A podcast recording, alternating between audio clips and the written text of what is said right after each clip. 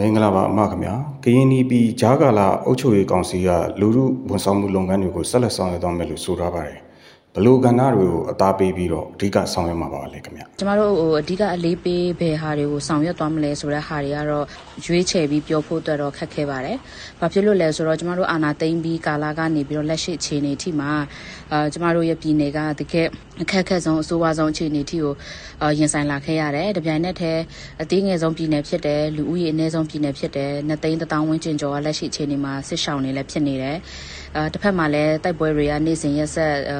များနေတဲ့အနေအထားတစ်ခါမှာအဲကျမတို့စီမှာလိုအပ်ချက်တွေအရန်ကိုများပြားပါတယ်။ဒါကြောင့်မို့ကျမတို့ကကဏ္ဍတစ်ခုကိုပဲရွေးချယ်ပြောဖို့အတွက်ကတော့ကျမတို့မှာမလုံလောက်ဘူးဖြစ်ပါတယ်ပေါ့နော်။ဒီတော်လည်းရင်ကာလကြားကာလမှာလူထုလိုအပ်ချက်တွေကိုဖြစ်စီပေးနိုင်ဖို့အတွက်ကျမတို့အသက်နိုင်ဆုံးစူးစမ်းမှာဖြစ်ပါတယ်။တစ်ဖက်မှာစစ်ရေးအရာဆောင်ရွက်ရမယ့်လုပ်ငန်းတွေတော်လှန်ရမယ့်လုပ်ငန်းတွေလည်းရှိတယ်။ဒါပေမဲ့ကျမတို့တပြိုင်နက်တည်းပညာရေးကျန်းမာရေးလိုကဏ္ဍမျိုးတွေကိုကျမတို့မေ့ထားလို့လည်းမရဘူး။ဒါကြောင့်မို့ဒီကလေးတငယ်တိုင်းဒီလူအခွင့်အရေးနဲ့အညီအာပညာရေးရရှိခံစားခွင့်အခွင့်အရေးကိုကျမတို့တပြိုင်နက်တည်းဆောင်ရွက်ရမှာဖြစ်တယ်။တပြိုင်နက်တည်းဒီကျမရေးနဲ့ပတ်သက်တဲ့အခန်းကဏ္ဍမှာလည်းလူထုလက်လန်းမီတဲ့ကျမရေးဝန်ဆောင်မှုစနစ်တွေဖြစ်ဖို့အတွက်တေးစားဖျားနာတဲ့ကိစ္စနေပြီးတော့ကျမတို့ကြီးမားတဲ့ဒဏ်ရာတွေခွဲစိတ်နိုင်ဖို့ထီလုပ်ငန်းတွေကိုလည်းကျမတို့လက်ရှိချိန်မှာလည်းဆောင်ရွက်နေပြီးသားဖြစ်တဲ့ဒါတွေကိုလည်းစားတတ်တဲ့ဖို့လူထုတွေအားလုံးလက်လန်းမီနိုင်တဲ့ကျမရေးစနစ်ပညာရေးစနစ်ဖြစ်အောင်အာဂျာကာလာအုပ်ချုပ်ရေးကောင်စီအနေနဲ့ဆောင်ရွက်သွားမှာဖြစ်ပါတယ်။နောက်ပြီးလို့ရှိရင်တော့ဒီစားနပ်ရိက္ခာလုံခြုံရေးကိစ္စတွေပေါ့နော်အအသက်ရှင်လုံခြုံဖို့စားစားတောက်ရတာတွေပြင်နေတူတူကစားတောက်ရတာပြင်ဒီအစားအစာတွေကိုကျမတို့ဟိုရေရှည်စီမံကိန်းအနေနဲ့ဘယ်လိုမျိုးလုံခြုံအောင်ကျမတို့တိုးလောင်မလဲဘယ်လိုမျိုးထားရှိမလဲဆိုတဲ့စနစ်တွေလည်းဒါကျမတို့ဟိုလိုအပ်တယ်ဘယ်လိုစိုက်ပျိုးမလဲဆိုတာတွေလည်းလိုအပ်တယ်ပေါ့နော်ဆိုတော့ဒီဟာတွေကတော့တော်လန်ရေးကာလဖြစ်နေတဲ့လျောက်မှာ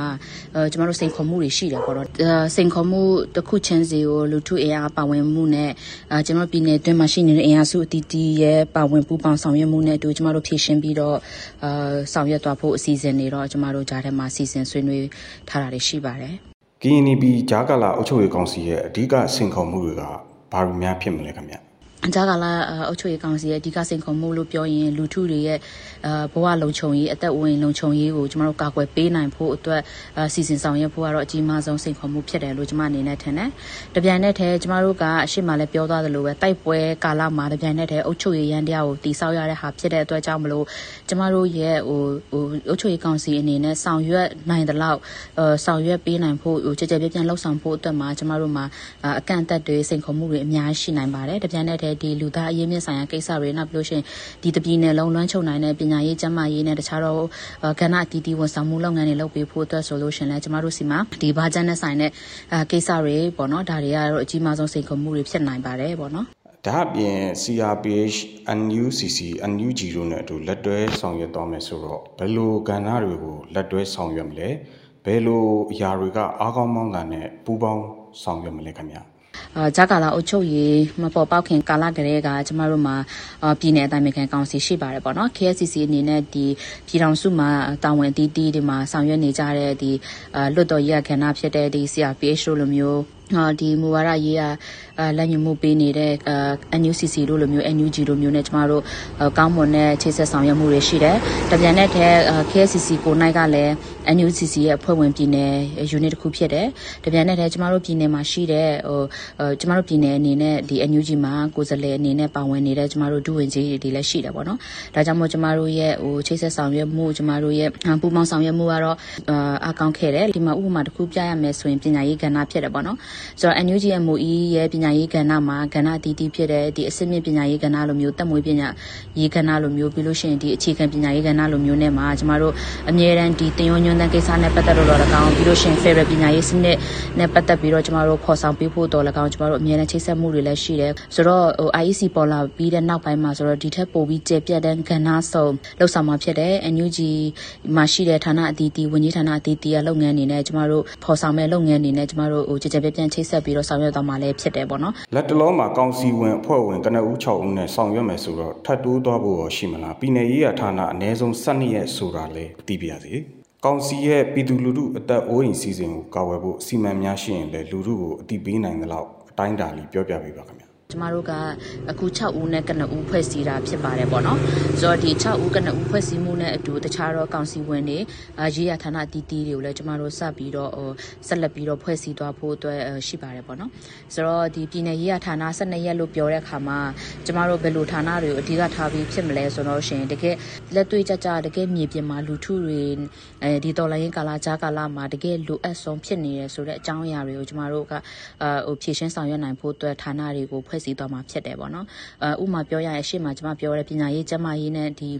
humanitarian aid ကိစ္စလိုမျိုးတော့တေချာတယ်ဒါတွေရှိလာမှာဖြစ်တယ်ပေါ့နော်။တပြိုင်နက်တည်းဒီလူခွင့်ရေးချိုးဖောက်မှုတွေကိုကျမတို့ကာကွယ်တားဆီးဖြေရှင်းနိုင်ဖို့ကိစ္စတွေတပြိုင်နက်တည်းဒီလူခွင့်ရေးချိုးဖောက်မှုနဲ့အတူဒီအမျိုးသမီးတွေပေါ်မှာလိမ်ပိုင်းဆိုင်ရာကျူးလွန်စော်ကားမှုကိစ္စတွေကျမတို့ဖြေရှင်းနိုင်ဖို့သူကိုဝင်ဆောင်မိခင်တွေအနေနဲ့ဒီကြားကာလမှာတော်လန်ရေးကာလမှာကြုံတွေ့နေရတဲ့အခက်အခဲအဲကိစ္စတွေစိန်ခေါ်မှုကိစ္စတွေကျမတို့ဖြေရှင်းနိုင်ဖို့ကိစ္စတူအရှိမကျမပြောလို့ပဲဒီအမျိုးသမီးတွေလိမ်ပိုင်းဆိုင်ရာအကြမ်းဖက်မှုကြုံလာတဲ့အခါမှာလိုအပ်တဲ့တရားမျှတမှုရရှိဖို့ဖြေရှင်းနိုင်တဲ့ရန်တရားဒီတရားဥပဒေစိုးမိုးရန်တရားတွေကိုကျမတို့ကဆောင်ရွက်မှာဖြစ်တဲ့အတွက်ကြောင့်မို့ဒီလိုရန်တရားတွေကတော့မဖြစ်မနေကျမတို့လှုပ်ဆောင်မှာဖြစ်တယ်ပေါ့နော်ဆိုတော့ဒီ12ရက်ဆိုတဲ့ဌာနတွေထဲမှာတော့ဒီဟာတွေကတော့မဖြစ်မနေပါဝင်ပါဝင်လာမဲ့ကိစ္စတွေဖြစ်ပါတယ်လို့ကနဦးပြောပြချင်ပါတယ်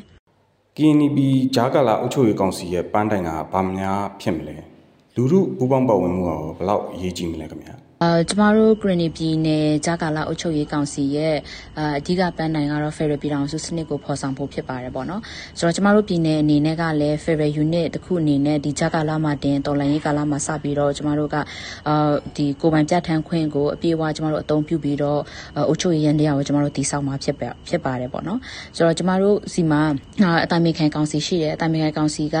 အာရေးဆွဲပြဋ္ဌာန်းထားတဲ့နိုင်ငံရေးမူဝါဒလမ်းညွှန်တွေကိုကျမတို့ကပြပြပြပြအကောင့်တွေဖော်နိုင်ဖို့အတွက်ကျမတို့ကဆောင်ရွက်ရမယ့်တာဝန်ကျမတို့စီမှာပြေဝရှိပါတယ်ပေါ့နော်ဆိုတော့ကျမတို့ဒီဂျာကာလာမှာတင်ကိုပဲတကယ်လူထုဝန်ဆောင်မှုလုပ်ငန်းတွေအာတိုင်မခံကောင်စီကချမှတ်ထားတဲ့နိုင်ငံရေးလမ်းညွှန်မှုတွေကိုကျမတို့အကောင့်တွေဖော်သွားဖို့အစီအစဉ်တွေရှိပါတယ်ပေါ့နော်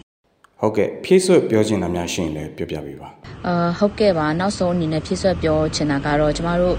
လက်ရှိပြည်နယ်ဂျာကာလာအုပ်ချုပ်ရေးကောင်စီကတော့ကနဦးဖွဲ့စည်းမှုဖြစ်ပါတယ်ပေါ့နော်ပြီးတော့ဒီကနဦးဖွဲ့စည်းမှုကနေစပြီးတော့ကျမတို့ကအုပ်ချုပ်ရေးရန်တရားတွေကိုခရိုနီပြည်နယ်အတွင်းမှာကြည်ကြဲပြပြလှုပ်ဆောင်နိုင်ဖို့အတွက်အာကျမတို့ဟိုဆောင်ရွက်သွားမှာဖြစ်ပါတယ်ပေါ့နော်ဆိုတော့ဒီလိုဆောင်ရွက်တဲ့နေရာမှာလည်းလူထုတယောက်ချင်းစီရဲ့ပူးပေါင်းပါဝင်မှုနောက်ပြီးလို့ရှိရင်ကျမတို့ရေးရလုပ်ငန်းအသီးသီးတွေမှာဟိုဌာနအသီးသီးတွေကိုလှုပ်ဆောင်တဲ့အခါမှာ CDM ဝန်ထမ်းတွေရဲ့ကျွမ်းကျင်ပြီးအသက်မြောက်ပြီးသားဖြစ်တဲ့အင်အားတွေနဲ့ကျမတို့အများကြီးလိုအပ်တယ်။တပြိုင်နက်တည်းပြည်နယ်အတွင်းမှာရှိနေတဲ့ခန္ဓာတည်တည်မှာအာ